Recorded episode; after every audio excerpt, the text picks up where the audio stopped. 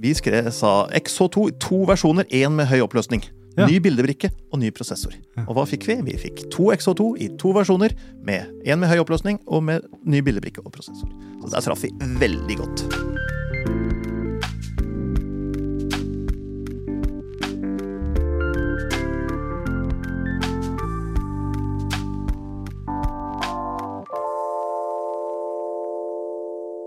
Velkommen tilbake til Fotoboden, alle sammen. Det er eh, snart, snart, snart snart slutten av året. Og vi runder av i år, sånn som vi gjorde i fjor og i forrige fjor, hvis jeg husker riktig. Og alle år før det. alle år før det. Vi tenkte å ta en liten oppsummering av kameraåret, og se på alle nyhetene som har eh, kommet ut i verden i år.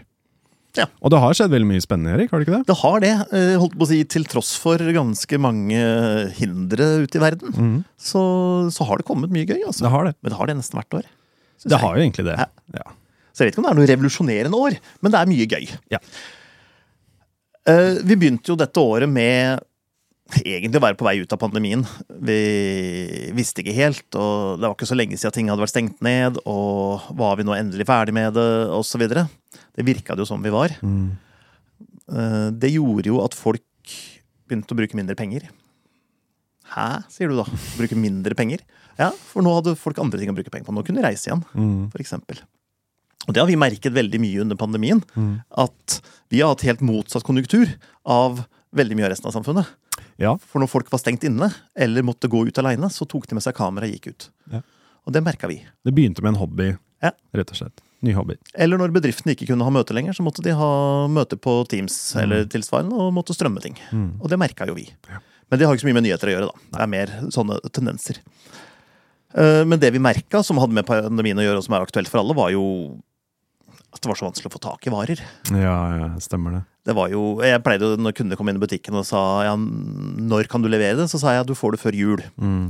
Men jeg presiserte også at jeg ikke sa noe om hvilken jul. Så eh, Men sånn over sommeren omtrent så løsna det. Det virka som da alle hadde dratt på ferie, så fikk alle produsentene inn alle varene vi mangla. Og så gikk alt på en gang. Så fra juli omtrent så har vi hatt godt med varer på lager. Eller som sjefen vår ville sagt, altfor høy lagerverdi. Altfor høy lager. Ja. Um, Men hva har det vært av trender i år, da? Ser vi noe der? Ja, jeg syns jo at eh, det var jo en trend eh, i fjor med fullformatskameraer, følte jeg. Eller kanskje kanskje det var året før, hvor alle kom ut med sine fullformatskameraer, modeller. Og flaggskipmodeller, og liksom toppmodellene og sånne ting. I år så føler jeg har vært mer sånn APC, eh, APC har jo vært en greie i år. Ja. For både Nikon og Canon har jo kommet med APC-modeller av eh, det speilløse systemet sitt. Det vil si, Nikon kom jo med det i fjor også. Men Nikon har vel bare kommet med ett vanlig kamera, og det Mm. er en APC speilløs modell. Og Canon, som har satsa så hardt på fullformat i mange år nå og sagt at det er det eneste saliggjørende, kom nå med APC-modeller. Ja. Og, og det, er, det er interessant. Og jeg spurte jo Fujifilm hva tenker dere nå som Canon og Nikon og de store, tunge eh, går inn der også. Sony har jo vært der lenge. Mm. De sa det er kjempefint, det. Mm. For da blir det jo mer fokus på APC. Ja. Plutselig så er ikke fullformat det eneste saliggjørende. Plutselig så er det lovlig med APC. Nettopp. Så de var faktisk veldig fornøyd med å få konkurranse der. Ja, og det er, ja, det er som du sier, da får de mye mer markedsføring rundt Mm. APC-kameraer. og folk får øynene opp for fordelene som eh, en, en sånn type billigbrikke kan ha, Mm. framfor eh, en større billigbrikke. Ja, og så blir det ikke sånn sett ned på. Nei. Så, så det blir mer stuereint, tror jeg. Ja, ja. Så det, det er egentlig veldig spennende. Det vi alltid har savnet fra både Canon, Nikon og Sony når det gjelder APC, det er jo et bra utvalg av bra optikk. Ja. For alle sammen lager de beste objektivene sine for fullformat. Og jeg skjønner jo for så vidt at de gjør det, men det gjør jo at hvis du vil ha APC, så må du enten klare deg med enklere og billigere optikk, eller du må sette på fullformatoptikk. Mm. Og setter du på fullformatoptikk, så har du ikke så mye å hente lenger, tenker jeg, på et APC-system. For det du har å hente på størrelse på huset, det forsvinner i størrelsen på objektivene. Mm. Det du har å hente på pris, det forsvinner i prisen på de objektivene. Så du har litt med teleeffekt og sånne ting hvis du skal ta lange brennvidder. Men bortsett fra det så er det ikke så veldig mye igjen. Og det, det er litt synd. De burde lage noe sånn knalloptikk i APC-format også. Det tror jeg de hadde hatt en del å hente på. Ja. Men det er nå hva jeg, jeg syns. Det er jo en, eh, en eh, utvikling, dette her. Så Mm. det skjer jo ting hele tiden. Ja. Så at lineupen neste år vil ha flere, mer optikk til APC, det er godt mulig. Ja, men både Canon og Nikon har jo en historie fra speilrefleks Mm. på APC-optikk. Og ingen har noen gang lagd toppoptikken sin for APC. Mm. Det finnes ikke et eneste L-objektiv fra Canon for APC. Nei. Samme for Nikon. Eh, Sony har jo hatt APC for speilløst i veldig mange år. Lenge før de hadde fullformat. Uh, mye enkel optikk. Ikke noe galt å si om den. Og optisk så er mye av den bra. Men byggekvaliteten er ikke der toppobjektivene er, og du får ikke GM-kvaliteten i APC. Og i mitt lille hode så er det jo lettere, og det skulle vært lettere å lage et GM-objektiv for APC enn for fullformat. Så det syns jeg egentlig de burde gjøre hvis de hadde hatt kameraer som matcha det. Mm. Og det er mulig Sony i dag ikke har kameraer som matcher det, men med Canons uh, EOS R7, som vi kommer tilbake til snart, så syns jeg at den hadde fortjent et L-objektiv. En 1545-28L syns jeg de skulle lage til den. Absolutt. Så hvis dere hører Cannon, Mm, hør på oss. hør på oss. Mm. Det gjelder alle, for så vidt. Hør på oss. Ja, absolutt alle. Ellers så har det jo vært veldig tydelig da at vi ikke selger noen nye speilreflekskameraer lenger. Ja, og speilrefleks, for de som ikke vet, det er Det er kamera med speil. Nei, det er jo da øh, De gode, gode, gamle systemkameraene hvor du kikka inn i et høl, og der var det, så du det som var gjennom objektivet. Ja. Via et speil. Og når du tok bildet, så vippa speilet opp, og så kom lyset inn på filmen. Eller på bildebrikka da, i nyere tid. Og 30 ett og ett merke har på en måte gått ut offentlig og sagt at de skal ikke produsere. Det kommer ingen nye modeller som er speilrefleks Ja, og alle har ikke sagt det, men det er ganske tydelig når det er gått flere år uten at de har lansert noe, Ja. og de kutter produksjonen av eksisterende objektiver og kameramodeller osv. Så, videre. så det er jo omtrent bare Pentax igjen nå som lager speilrefleks, tror jeg. Og så ja, kanskje Leica Hasselblad. Ja. Nei, Leica, Leica mellomformat og Hasselblad de store H-serien, hvis den fortsatt lages. ja. Det siste lanseringen jeg husker som var speilrefleks, var 1DX Mark 3 fra Cannon.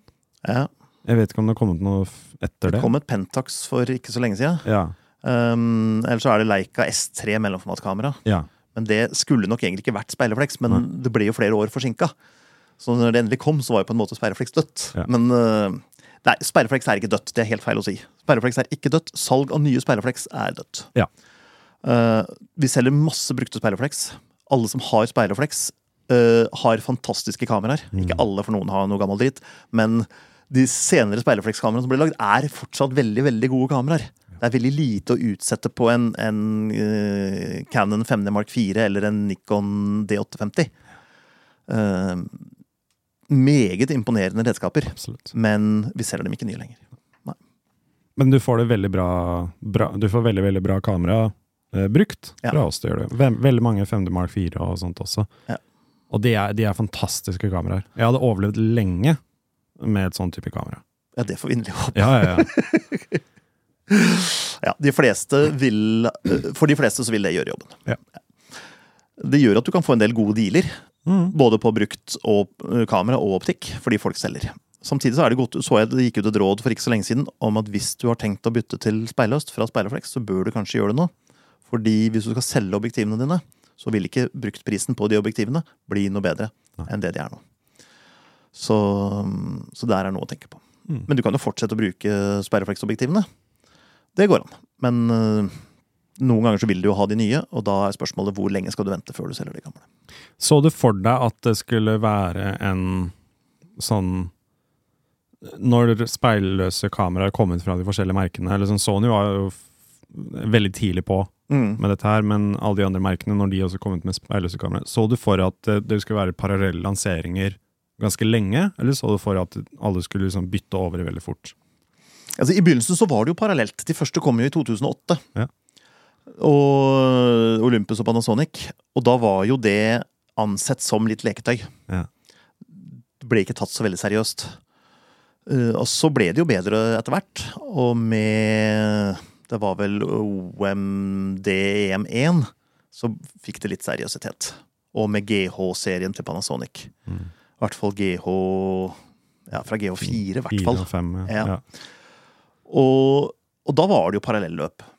Men vi mangla jo profesjonelle objektiver i stor grad til veldig mange av dem. Og det var jo tegn på at proffene ikke var klare for å gå over, fordi produsentene ville ikke lage de tunge objektivene til speilløst. Det hadde jo litt med autofokus å gjøre. For autofokus på speilløse kameraer krever mer prosesseringskraft enn på et speilreflekskamera, og da måtte du ha nok prosesseringskraft for at det skulle matche, og det er først de siste årene har gjort, og først da har proffkameraene kommet. Men når de først kom, så hadde vi også fått så modne søkere at da døde på en måte sperrefleks med en gang. Men det er jo gått 14 år, altså. Det er Tatt en stund, ja. Ja. Yes. Skal vi kaste oss over hva som har kommet i år? Ja, Ja. absolutt. Da begynner det øverst på jukselappen min, og der står det Cannon. Og det første de kom med i år, det var R5C, som jo er en R5, men med bedre videoegenskaper. Ja. Bedre kjøling, Mm. og ingen bildestabilisator. Ellers så er det vel en R5 for alle praktiske formål. Det er litt mer klumpete, for den har den vifta bak der. Ja, det er litt mer klumpete. Det er en kombinasjon av R5 og C70, er det mange som sier da. Ja. En miniatyrversjon av C70, eller en litt klumpete R5. Mm. Det kommer litt an på hvordan du velger å se på det. Og det den har, den er at den har da uh, to forskjellige menyer uh, som du switcher mellom. Du switcher mellom da den menyen du får på C70, som er på alle de videokameraene som uh, Canon har, og så har du menyen til speil, eh, til fotokameraene da. Ja. Så du bytter mellom, da, og så på on og off. Mm. Av og på-knappen så har du video på én, og så har du foto på en annen. Ja. Uh, og da bytter du mellom systemene. Uh, og den fikk veldig mye skryt eh, men til alle som er mye ute og reiser, alle som trenger å være mobile, alle som er avhengig av å måte, få plass til alt i en ryggsekk. Og nå er det veldig veldig vanlig, føler jeg i hvert fall, at, man, at det er krevet av deg som en profesjonell fotograf eller videograf at du skal kunne gjøre begge deler. Mm. Og det å kunne gå ned fra to kamerasystem til ett er veldig interessant for veldig mange. Men kan du ikke gjøre omtrent alt det på video på R5? Bortsett fra at du kan ikke filme så lenge i 8K, og du kan ikke sette på XLR-mikrofoner. For det kan du på R5C. Ja. Men det er ikke så mange som filmer i 8K ennå. Nei, Så for de fleste så- praktiske formål så vil jo en R5 fungere, og da har du bildestabilisatoren i tillegg. Absolutt. Så um, Vet du hvorfor de ikke har med bildestabilisator? Er det av kjølingsgrunner, eller er det fordi noen ikke vil ha det fordi de skal kunne riste mye på kamera? Montere det på en bil? Ja, det er ikke alle som er ute etter det. Det er uh, hvis du bruker gimbals og sånne ting mye mer, og hvis Mm. du setter det på forskjellige, ja, forskjellige sånne type installasjoner og sånt, da, så er det ikke så interessant å ha en uh, bildestabilisator på bildebrikken, men du har en optisk og en digital. Ja, for du har optisk i mange objektiver, Ja. og så har du en digital i kamera. Så Ja. er veldig effektiv på video. Ja. Men det øyeblikket du da er en mann med one man show og må gjøre alt sammen sjøl, og skal også fotografere, Ja. så tror jeg mange vil eh, ønske seg å ha den der. Ja. Men, eh, men det er vel antagelig en, eh, en Men da har man alternativene, ikke sant? Og Panasonic har også gjort det med, med GH5S. GH5S, Mm. som ikke hadde den type bildestabiliseringen. Fordi det var, så vidt jeg husker, så var det sånn med en gang du fester den på biler og sånne ting, den kameraet skal festes på biler, så vil den stabiliseringen der ikke funke så bra. Da vil du heller ha en stabiliseringsmekanisme, en gimbal eller et eller annet sånt, Ja. ting, da, som gjør jobben mye bedre. Det Panasonic fortalte her, var jo at hvis du, selv om du skrur av bildestabilisatoren, så kan den riste Mm. Ja. ved for store eh, vibrasjoner. Ja. Og det kan være det Canon har tenkt på. Ja. Men det er jo også selvfølgelig en, en bildebrikke som henger og dingler, Mm. som den jo egentlig mer eller mindre gjør, er jo mye vanskeligere å kjøle enn en som er helt fast. Ja. Så det kan være begge deler, egentlig, som er Og du får også, det kom også et lite problem på, på kameraer som, har, som er fullformatskameraer, hvor jo større bildebrikker, jo mer bevegelse, jo, jo mer må bevege seg, da. Mm.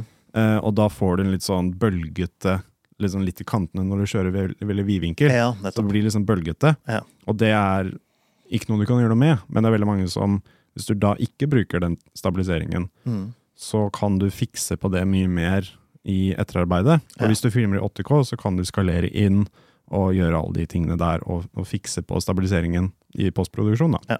Ja, altså På video så er det jo ganske opplagt, Ja. men, eh, men eh, til foto så er det jo Ja. Yes, eh, De har også kommet med et annet fullformatkamera i år, som kom i høst. R6 Mark 2. Ja, stemmer det. Um, og det er jo den første si, toeren av de speilløse fullformatkameraene. Altså, eller IR-serien, da. Mm. til Canon. Og den har jo fått en del bra oppgraderinger. Eh, bedre autofokus og litt kjappere og litt høyere oppløsning og egentlig alle de tingene man klagde på Mm. på R6, og støtte for En sånn, eller har sånn multisju, da, så du kan sette på XLR-mikrofoner og, og andre morsomme ting opp i blitskoen. Og den koster ikke så veldig mye mer enn originale heller. Så, så den virker veldig veldig ålreit, altså. Det gjør den absolutt. Det er ikke noe revolusjon, ikke noe banebrytende, ikke noe vi ikke har sett før. Men jeg vil si en, en arbeidshest, altså. Ja. Som bare gjør det du vil den skal gjøre.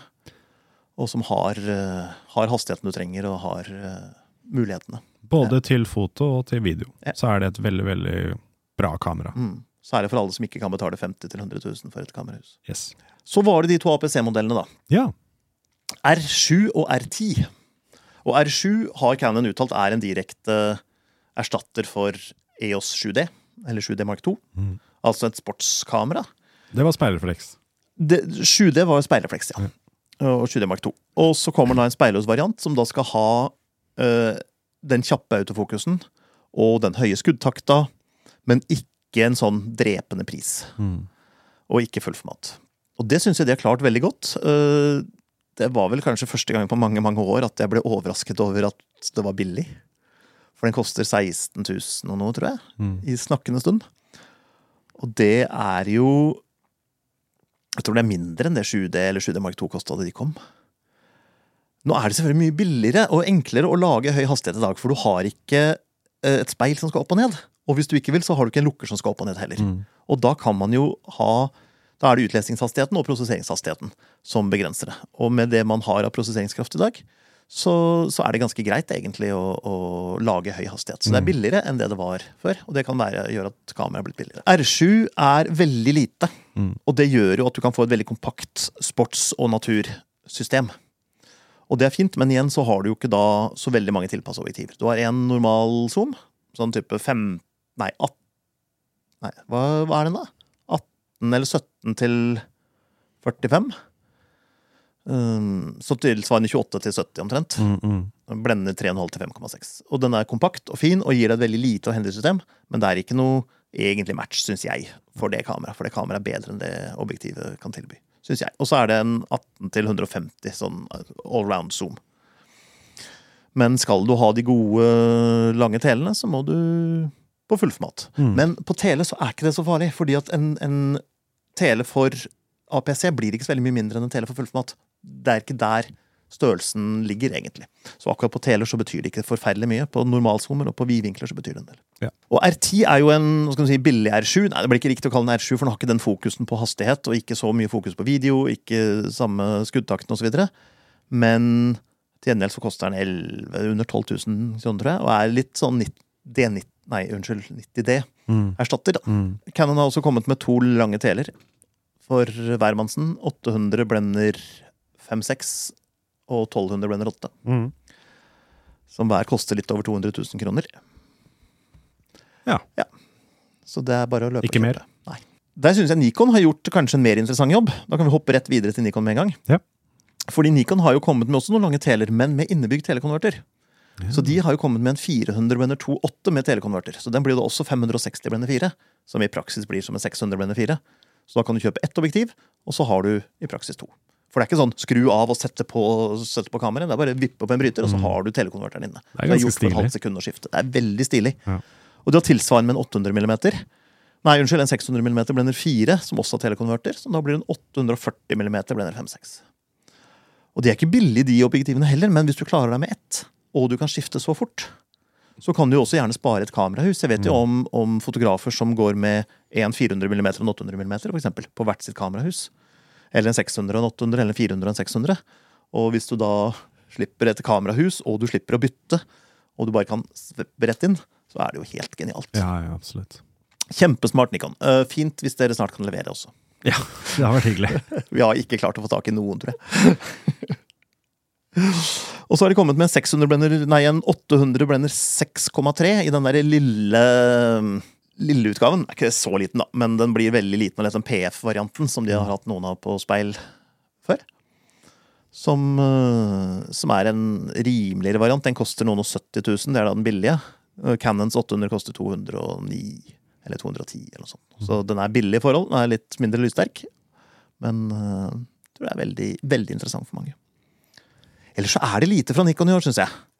Jeg hadde jo håpet at de skulle komme med, med et eller annet. Hvis vi ser på hva vi spådde i fjor, Mm. så spådde vi jo APC fra Nikon. Ja. Og da har kommet APC fra Nikon. Det kommer Z30 i sommer. Og Z30 er litt sånn vloggerkamera. Det er uten søker osv. Men et helt kurant kamera. Og skal du filme, og du ikke har sånne voldsomme krav til hva du skal gjøre i etterbehandling, så, så tror jeg det fungerer helt, helt glimrende. Og det er en lav terskel. Og det er jo beregnet egentlig på, på amatører som vil gjøre dette her enkelt. Det er ikke beregnet på sånn som deg som skal sitte og flikke på hver frame i etterkant. Uh, hva var det vi sa om Cannon i fjor? da? Husker du det? Uh, nei, For vi, det er jo, vi har jo en sånn spådomvideo hver eh, januar. det har vi. Uh, I, i, I år så had, gjorde vi noe veldig lurt. Vi la den til februar, for da var det kommet en del lanseringer allerede. Ja. Så det var noen ting vi spådde veldig veldig presist, og det var de kameraene som allerede hadde kommet ut. Ja. Vi var smarte der. Vi var det. jeg synes det. Vi spådde R7. Det, Det gjorde vi faktisk. Ja, Og så mente vi at R1 ikke kom til å komme, og det traff vi også på. ja, ja. Ja. Så jeg syns vi var flinke på Cannon. På Nikon så har jeg notert at vi spådde APC, rimelige modeller, og en Z90 som erstatter D500. Mm. Men den bomma vi på, da. Ja. Så den får vi glede oss til neste år. Vi, kan, vi, er, vi er mennesker, vi også. Vi har ikke svar på alt. Nei, og det gjorde vi vel et poeng av i den videoen. Ja. En rekke ganger at vi visste ikke mer enn dere gjorde, Nei, nei, så det var bare kvalifiserte gjetninger. Ja. Og, ja, og det kommer en sånn video med spådommer for 2023 også, men den kommer nok ikke før Mars-april? kanskje? mars-april. Ja, kanskje vi venter i november når all den Ja, ja, ja. lanseringen her er over. Ja. Ja. Da kan vi spå. Ja, da kan vi spå. Nei, vi tar den i tidlig januar, vi tror jeg. Før lanseringene kommer. For det er egentlig morsommere å spå om framtida enn om fortida, syns jeg. Ja, det er litt mer, eh, litt mer spennende. Det er det. Sony, da? Sony har kommet med ett kamera i år. Nei, jeg har kommet med to, egentlig, men jeg har bare notert det. ZV10? Ja, De har kommet med ZV E10F eller noe sånt, nå. Ja. den med fast optikk. Men de har kommet med A7R5. Ja, stemmer det. Det er jo det viktige. Mm. Og det er jo den der høymegapixel fullformat speilløse til Sony. Eh, Like mange piksler som før. Eh, Høyere hastighet, bedre video. eh, Alt mulig gøy. Og syns du 61 megapiksler er for mye, så kan du skru den ned. Mm. Både på råfiler og på JPEG-filer. Liker du mange megapiksler, så tror jeg det kameraet er veldig, veldig interessant. Hva er forskjellen mellom den og da Sony A1? Hastigheten. Ja. ja For du får ikke noe 30 bilder i sekundet på eh, A7R5. Nei. Det er ikke et, det er ikke sånn skuddmaskin. Så skal du ha sport og ting, så er det A1. Ja. Men, øh, men liker du de litt langsomme tingene? Altså, det trenger ikke være langsomt. Herregud, vi snakket om langsomme ting i gamle dager. Det var ting som sto stille. Det var landskap som flytta seg i sånn geologisk hastighet, så to centimeter i året. De har altså en autofokus nå som er meget, meget bra og kan fange det aller meste. Ja. Du skal være, kanskje ikke velge det først hvis du skal ta ishockey i en dårlig opplyst hall, eller svaler i flukt, eller noe sånt noe. Men pokker eller skal du fotografere ungen som spiller fotball, så tror jeg det holder i massevis. Både hastigheten, altså autofokushastigheten og skuddtakten på de aller fleste kameraer i dag. Altså. Og det er litt gøy. Det er kjempegøy. Mm. Litt kjedelig òg, syns jeg. At alle kan få til. Ja, men det er liksom sånn det er, det er, eh, Vi har snakket om det før. Ja. At alle kameraene uansett egentlig gir deg bra resultater nå. Ja, Eh, Så det å veilede og guide og på en måte prøve å finne frem til det riktige kameraet for Mm. deg, det er liksom litt sånn smak og behag. Jeg begynte i denne bransjen i 2005 med å teste kameraer. Ja. Og det var viktig å teste kameraer i 2005. Jeg føler ikke at det er så viktig å teste kameraer lenger, fordi det er litt mer sånn Ok, hvor mange prosent bedre er A enn B? Og det er ikke om den er 5% bedre eller 7% bedre, betyr ikke så veldig mye, for det funker veldig bra uansett. Absolutt. Så det er mer sånn hva er det du har behov for, Ja. som er det man må finne ut av Nettopp. når man skal, eh, skal kjøpe noe. Og det syns jeg de fleste kameramerker har blitt flinkere på å liksom presisere hvem dette kameraet er for. Ja. Eh, det er ikke så mange av dem som lager liksom et kamera som passer alle. På en måte One ring to roll them all, men eh, de sier sånn dette kameraet er for denne personen. Mm. Hvis du skal gjøre sånne ting, så er dette kameraet riktig for deg. Hvis ikke, så er dette andre modellen Mm. Eh, riktig for deg. Men det har jo også litt med pris å gjøre, tror jeg, fordi går du fem, seks, sju år tilbake i tid, så kosta toppmodellene 50 000. Og så kosta de entusiastmodellene 20, og så kosta de rimelige 5 til 10. Nå koster de rimelige 10 til 15, Mm. Uh, og så koster entusiastmodellene 30 uh, til 50, og så koster proffmodellene 70 oppover. Mm. Så det er også litt viktig å differensiere på grunn av det, da. At du alle skal ikke ha et kamera til 70 000 kroner. Nei, nei. Selv om det er veldig gøy Ja. med et kamera uh, som gjør alt det 70 000 kroners kameraene i dag gjør. Å, de er morsomme å leke med. Det er veldig morsomme å leke med. Ja, ja. Det er derfor vi jobber her. Da. Hvis dere lurer på det, hva i all verden vi gjør her, så er det å få anledning til å leke med ting. Og kunne få kjøpt ting litt billigere, så vi slipper å få lønna i oppkrav hver eneste måned. Det... Selge nok til å dekke eget forbruk, er det ikke det man gjør? Ja. Ja. Eller så kom Nikon med noen objektiver. Viktigst er kanskje 2470 28 Grandmaster 2. Snakker vi Sony nå? Nå snakker vi Sony. Er vi på Sony? Ja, Ja. vi har allerede Ja. snakket litt Sony. A7R5 og sånn. Ja, ja. Ja. Du sa Nikon, bare. Nei, nei. Ikke spol tilbake og sjekk. Eh, Sony 2470 Blender 2.8 GM versjon 2. Ja. Og den er som GM versjon 1, men enda bedre og mindre og lettere. Litt lettere, bare. Og det er ganske fint, egentlig, for den var ganske stor og svær og tung, den gamle. Så det er litt vesentlig at den er lettere. Mm. Og så er den enda bedre, og eneren var så bra at det var kanskje ikke så mange som skrek etter enda bedre, men når Nikon, unnskyld, Sony kan lage enda bedre, så er vi glad for det. Oi, En ting, ja, en ting jeg vil si om A7R A7R5, er bildestabilisatoren. Ja. For den er blitt ganske mye bedre. For den har gått opp fra 5,5 til 7 eller 7,5 trinn. Så den er helt på nivå med de aller beste. Og vi trodde jo veldig lenge at det ikke gikk hos Nikon, fordi, hos Sony, fordi de hadde en litt for liten fatning. Mm. Den fatningen deres den er jo egentlig lagd for APC. Og så sa vi i flere år at nei, det kommer nok aldri noe fullformat fra Sony, for fatningen er ikke stor nok, og så kom de med fullformat. Og så hadde de ikke mer lyssterke objektiver enn F1.4, og så sa vi i mange år at de kommer nok ikke med noe mer lyssterkt enn F1.4, for fatningen er ikke stor nok. Og så kom de med F1.2. Og så sa vi i flere år at de klarer nok ikke mer enn 5,5 trinn på bildestabilisatoren, fordi fatningen er ikke stor nok. Og så kom de med 7 eller noe sånt. Så jeg syns Sony har vært veldig flinke til å bare legge alle sånne spådommer i grus, og vise at dette her funker allikevel. Så tommel opp for det. Takker og bukker. De har også kommet med noen APC-objektiver, så når jeg sier at det er lite satsing på objektivene hos disse produsentene, så gjør de jo litt i skammen om med at en 11 mm 1.8, en 15 mm 1.4G og en 10-20 mm blender 4G Powerzoom har kommet for eh, APC også i år, fra Sony. Så det er bra. Det var Sony. Hva var det vi spådde om Sony? ja? Vi spådde ANI 3. Der bomma vi. Ja, det ANI 3, ANI 2 er jo et sportskamera, Ja, men det er kanskje drept litt av A1. ja det er det jeg jeg. Og da er spørsmålet, klarer de å få inn en A93 mellom A1 og A24? For A24 koster 30 000, og den andre koster 75 Ja. 80 Er det et marked der? Jeg, jeg tror i hvert fall det med tanke på skuddtakt. Ja. Fordi A24 har ikke en veldig stor skuddtakt. Nei. Det er ikke 37 bilder i sekundet. Det er det ikke. Og så spådde vi ikke noe A7R5. Men Nei. den kom. Så på Sony bomma vi bra, da. Ja, ja. Ja. Men som sagt, vi uh, gjetta. Han vil påstå at vi er bare mennesker, vi også, men snakk for deg sjøl. Ja, ja. Fujifilm! Der traff vi mye bedre, vet du. ja, men de har kommet med mye gøy, da. Fujifilm har kommet med mye gøy, de. De har kommet med tre kameraer. Ja. Og noen objektiver. Og det er ikke bare kameraer, det er jo en ny generasjon kameraer. Mm. Fujifilm har jo i flere år hatt samme prosessor og samme bildebrikke i seks-sju forskjellige kameramodeller. Og det er en morsom måte å gjøre det på, men når de begynner å dra på åra, de prosessorene og, og bildebrikkene, så blir det litt kjedelig. Så da kom de med ny prosessor og ny bildebrikke. Xtrans 5 heter da serien. Og putta dem inn i tre forskjellige kameraer. XH2S var den første. Og det var jo hva skal man kalle det, første sportskamera, actionkamera fra Fujifilm. Den gjorde mye forskjellig. Ja. Den var bra på video, den var bra på stills, den var bra på action. Den var liksom et kamera som du egentlig kan gjøre det meste med. Mm. Og vi lagde en kortfilm med den, Mm.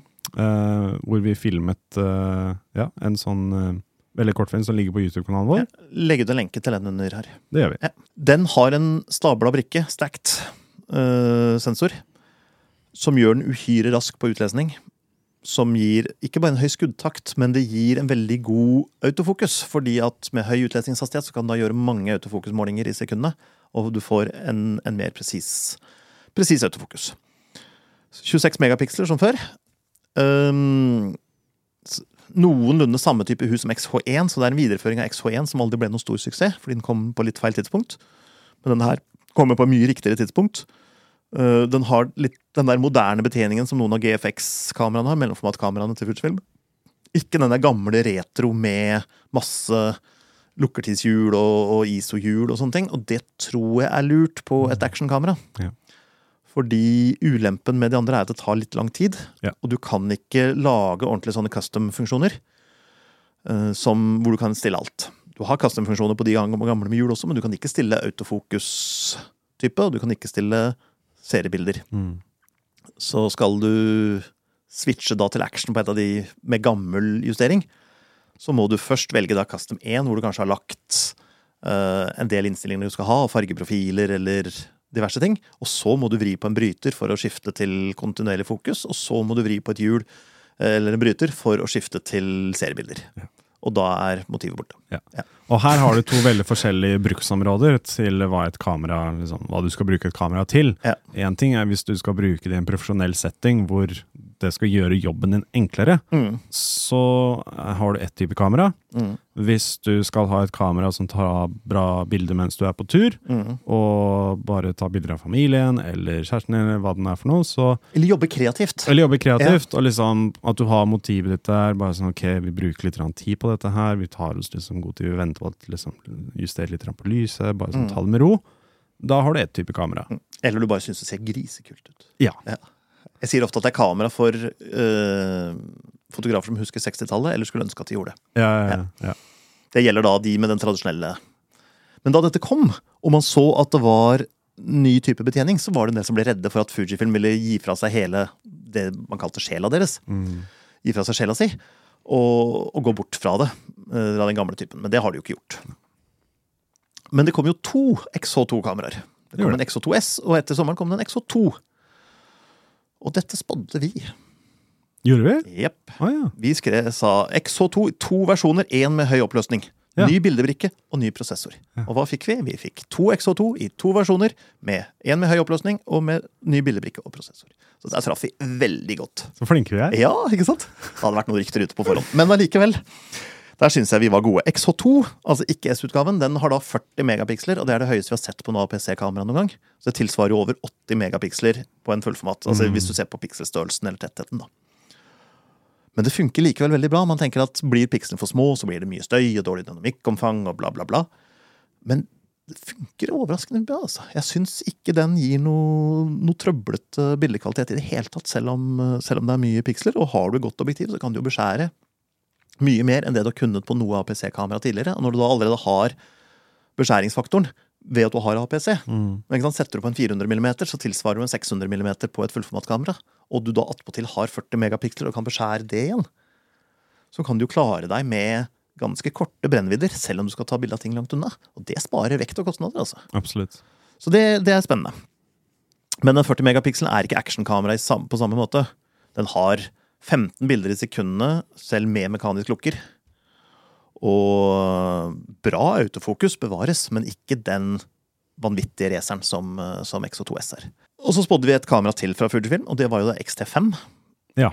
Og det kom også. Og det kom også. Ja. Og XT5 er jo veldig som XH2, bare i den gode, gamle innpakningen. Ja. Ja. Uten uh, flippa skjerm. Ja, den har den vippe opp og ned, og så ut sånn til side på den ene. Ikke ja. flippe ut og, og vri der ute på sida. Nei. og skal du fotografere, så er det mange som liker den flippe opp og Mm. ned-skjermen bedre. Jeg er en av de, og savna det på XT4. Og nå har vi fått det tilbake. Den som var tilsvarende på XT3, har vi fått tilbake på XT5, og jeg er veldig happy. Tror du det var pga. en klagestorm? Eh, ja, eller i hvert fall tydelige tilbakemeldinger, kan vi Ja. si. Men nå har de jo også Med XT4 så hadde de ikke XH-kameraene som Mm. et samtidig alternativ. Og dermed så måtte de putte alle muligheter inn i XT4. Så det skulle være både videokamera og fotokamera. Og da var det ikke så rart at de putta i en sånn flippe-ut-skjerm. Men nå som de har XH2, så kan jo folk bruke de til video. Eller de som vil ha flippskjermen så videre. Og så kan de som vil ha vippe opp og ned-skjermen, uh, bruke kjøpe en XT. Og så får alle det de vil ha. Ja. Så det er kjempefett. Alle, alle er fornøyd. Alle er fornøyde. Ingen klager. Ikke ennå, i hvert fall. Jo, de som vil ha X-Pro, de sier ja, når kommer den X-Pro 4, da? ja. Ja, Så de har begynt å klage allerede. Hva er gærent med X-Pro 3? Det har jo ikke nye prosessoren og bildebrikka og sånt. Ja. Og så har de blitt flinke til å gjøre ting mindre, og bildestabilisatoren har blitt bedre. og sånt, Så du kan nok få et veldig se for meg veldig nett og fint X-Pro 4-kamera. altså. Mm. Så det, Men det kommer i spådomsvideoen som vi Ja, det er neste episode. Ja, det er neste. Eller så kom de med en lang tele. 150 til 600 millimeter. 600 millimeter, da. Som tilsvarer, tilsvarer 900 millimeter på fullformat i, i bildevinkel. Og hvis du da har det på en eh, XH2, S- XH2 eller en XT5 og kan beskjære fra 40 megapiksler, så har du jo hvor Ja. som helst, egentlig. Veldig, veldig gøy. Og det er et sånn hvitt objektiv, så det er liksom toppserien, da. Og så kom de med et videoobjektiv.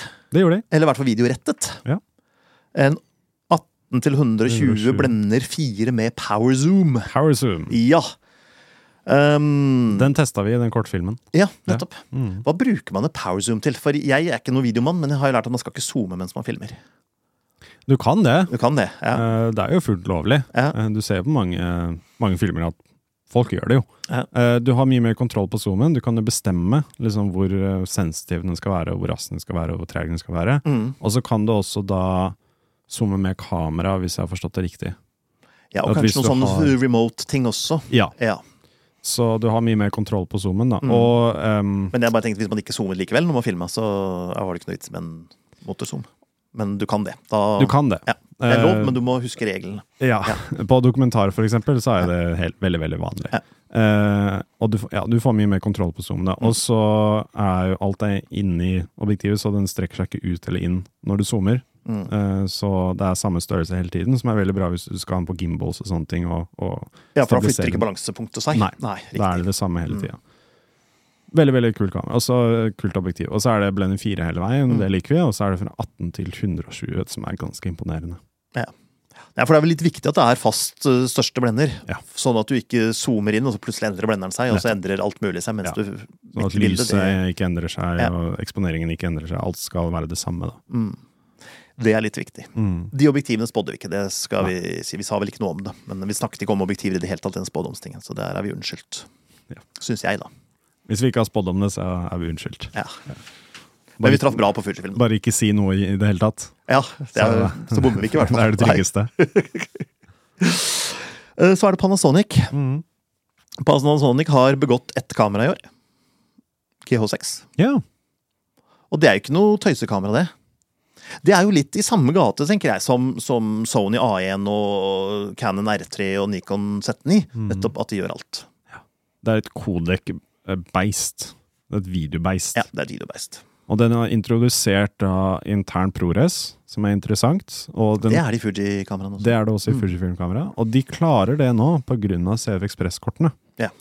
Eh, de klarer å putte inn så mye data inn i minnekortet samtidig, eh, som gjør det veldig interessant. Før så var det du hadde det på flere kameraer, hvor du hadde ProRes eksternt da, til en opptaker, men Mm. nå får du det internt i kameraene. Ja. På disse kameraene, på denne prisklassen, det er veldig interessant. Og da må du fortelle hva som er poenget med at det skal være så mye data som pushes hele tida. Det er jo ukomprimert, så du får liksom den høyeste kvaliteten, og noen Det er ikke ProRes rå, er det det? Uh, nei. det er ProRes sånn high quality. Ja. Ehm, så du kan velge, da. Vi hadde jo, når vi filmet kortfilmen vår med, med XO2S, så hadde vi et minnekort på 520 gigabyte, tror jeg. Og vi skrudde på ProRes high quality, høyeste kvaliteten kameraet kunne levere, og vi fikk eh, litt over 20 minutter 20 minutter med opptakstid. på 500 gigabyte. Ja. Ja. Så det tar veldig mye data der. Så det er egentlig ikke noe vits med mindre du har noen eh, postproduksjonshus og sånne ting som etterspør eh, ProRes-filer. Og hvis du skal my gjøre mye stokkfotografering f.eks., og laste opp i arkiv og selge dette her, så er det veldig mange da, som foretrekker ProRes. Fordi det er kompromissløst. Ja. Eller det er så kompromissløst som du kan få det, før det går over til raw. Ja. Men det er vel også lettere kanskje å redigere på, er det ikke det? Fordi at for en datamaskin så må slipper å måtte pakke opp Ja. så tungt komprimerte ting. Så hvis du skal drive noe etterbehandling av det, så er det vel lettere med ting som er mindre komprimert? Ja, men det, blir, det er fortsatt veldig store filer, da. Ja, det blir jo mye- store filer, men ja. altså jeg ser for meg at en H265-komprimering er Ja. så hardt komprimert at for det første så har du mista så mye data at det er lite å jobbe med, og for det andre så er det så mye jobb å pakke ut dette her, eller er det feil tenkt? Jeg vet ikke. Jeg, vet, jeg har ikke merka så stor forskjell. Men Nei. nå har jeg en ganske kraftig datamaskin fra før av. Ja. Um, jeg har merka litt forskjell mellom kameramerkene, faktisk. Mm. At uh, den ene ikke er så lett å jobbe med, og den andre er litt lettere å jobbe med. Mm. Jeg skal ikke nevne navn. Men um, Nei, når jeg jobba med ProRes-filene, så vi hadde egentlig ikke noen store problemer der. Det funka veldig fint. Men eh, ja, det, det er link, eh, du kan eh, bruke ProRes, men selvfølgelig, i hvert fall på GH6, som vi snakker om nå, der har du alt mulig rart av alternativer. Ja. De sa de holder også 8-bit eh, full HD hvis du vil det også. Ja. Så du må ikke ta det største og Nei. beste på absolutt alt. Hvis du filmer eh, konferanser, du skal livestreame, eller du skal liksom bare på YouTube for eksempel, og det liksom ikke er så farlig, så har du mulighet til det, men hvis du skal levere eh, materiale i ProRes, så kan du gjøre det internt nå også. Mm. Men er det ikke lurt å ta det opp i ProRes, bare for future proof? Altså Sånn at du om ti år, når du går tilbake til det, og kanskje skal gjøre en ny redigering eller en ny klipp eller en ny director's cut. Det er derfor du har 8K også, ikke sant, på disse Ja. kameraene her. Og du kan gjerne si at la oss gjøre alt i 8K i ProRes eller Mm. RAW eller sånne ting, mens i den podkasten her, for eksempel, som vi filmer nå, det hadde vært veldig pointløs å filme i ProRes. Da har vi bare fylt opp minnekortet etter et sju minutter, ikke sant? Mm. Så hvis det har Men 8K hadde jo vært fint, for da kunne du sett meg i Ja, de deta fineste detaljer. Så det, det er fint å ha alternativene Mm. til det, sin, eh, og det kommer veldig an på eh, situasjonen og hva en kunde som du jobber med, spør om. Mm.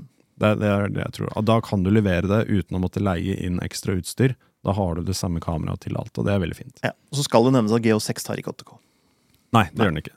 Den har ikke oppløsningen til 8K må du ha i hvert fall 40 megapiksler. Ja. Så Fujifilm XH2 tar faktisk 8K. Uh, GH6 gjør det ikke, for den har 24 megapiksler. Mm. Så den stopper på 6 eller 6,2 eller noe sånt. Ja, et eller annet. Eller så kom det ikke så mye mer fra Panasonic, og det er litt trist, fordi nå er det to og et halvt år siden det kom et, eller over to år siden det kom et fullformatkamera fra Panasonic. Og selv om vi glemte å spå det, så tror jeg vi hadde spådd det hvis vi hadde kommet på det. Mm. I den videoen vi la ut i tidlig på året. Ja, for de lanserte jo ja, S1, SNR og SNH. Ja, Og så kom S5, S5 og etter det så har det ikke kommet noe. ingenting. Og da begynner vi å lure. Ja. Mange har liksom i årevis spådd døden for, for Micro Four Thirds-systemet, som GO6 er en del av. Men fullformatsystemet til Panasonic, som de gikk så hardt inn i begynnelsen, har også Mm. bare stoppet det helt opp. Done.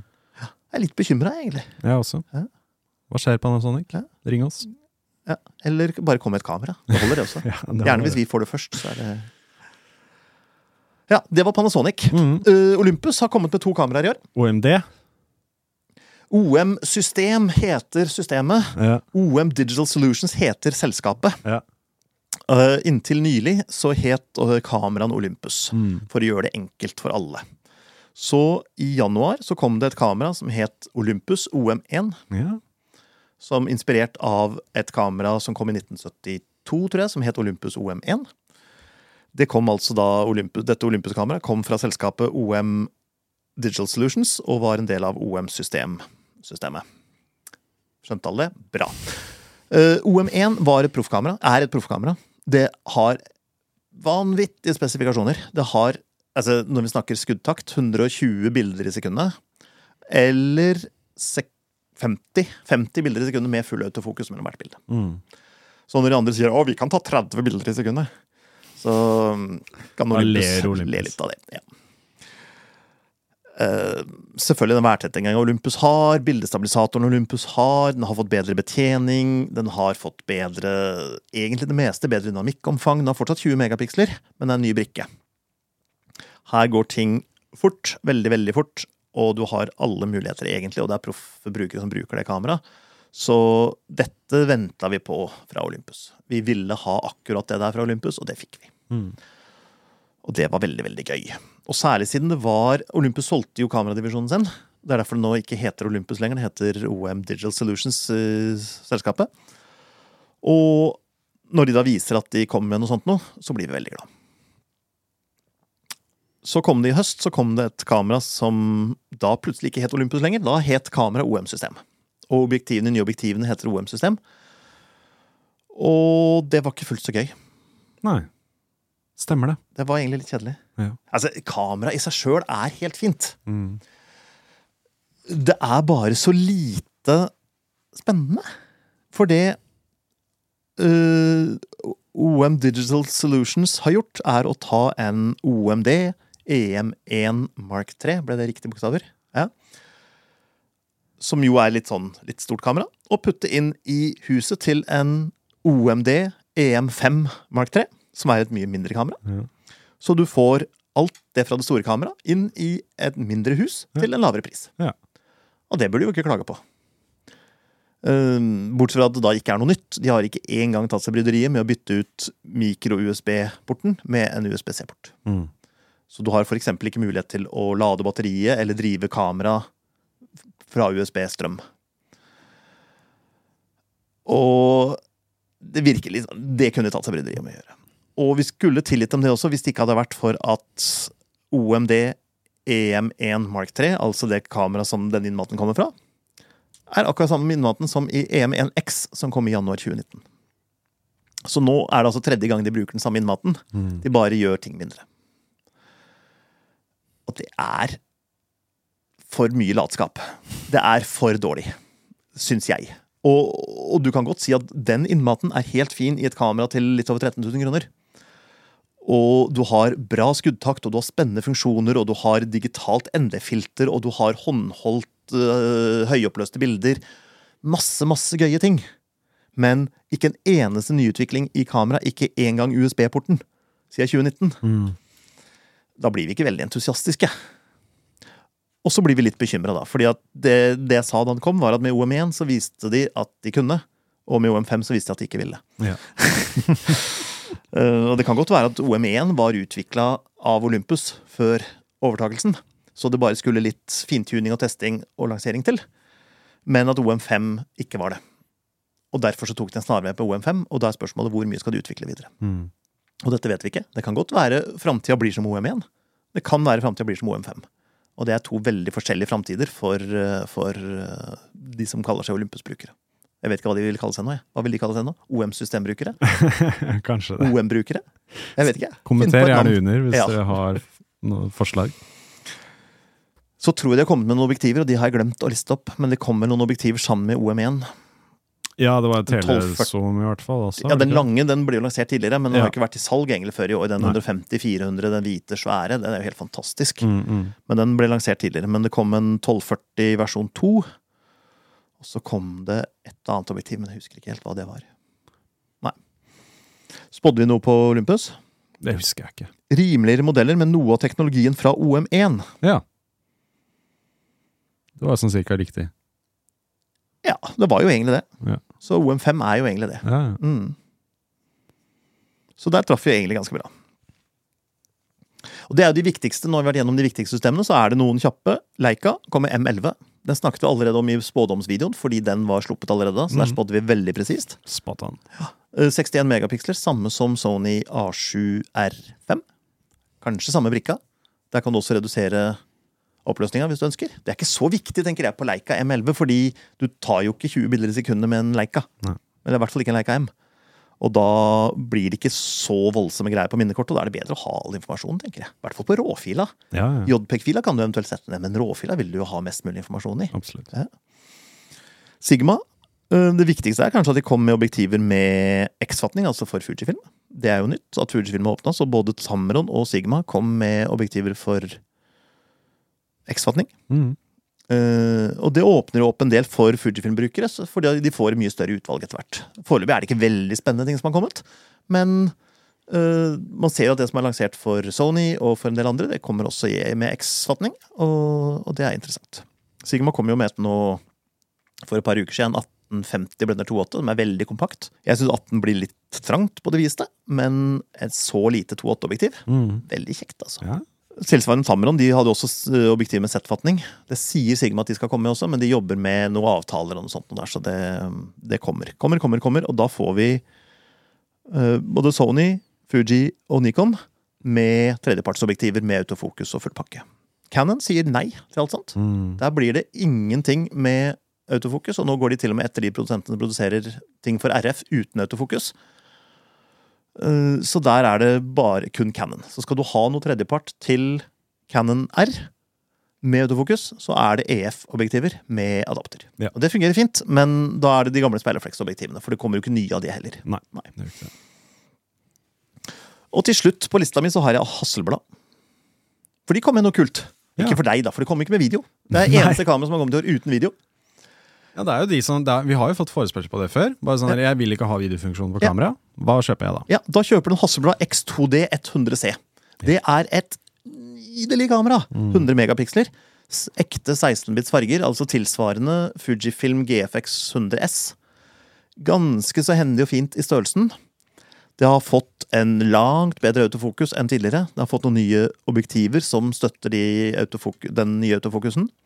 Den har fått en veldig god bildestabilisator, sjutrinns bildestabilisator i huset. Med andre ord, du har et moderne kamera som du kan ta med ut, gå og knipse, gatebilder, landskapsbilder, litt grann action. Igjen kanskje ikke svaler i flukt og, og dårlig opplyst ishockeykamp, men dette kameraet gjør en formidabel jobb. Og når du kommer hjem, og du drar filene opp i Lightroom, og du begynner å dra i spakene, eller skal beskjære, da skjønner du hva det kameraet er godt for. Det er altså en fryd å jobbe med de filene. Som om det ikke var morsomt nok å drive med kamera når du tok bildene. Så hvis du har en, ja, hva er det, en 80, noen 80 000 for kamerahuset, og noen og 30 for hvert objektiv, og svi av, så er ikke det en UFN-ting. altså. Ja. Og så slipper du video.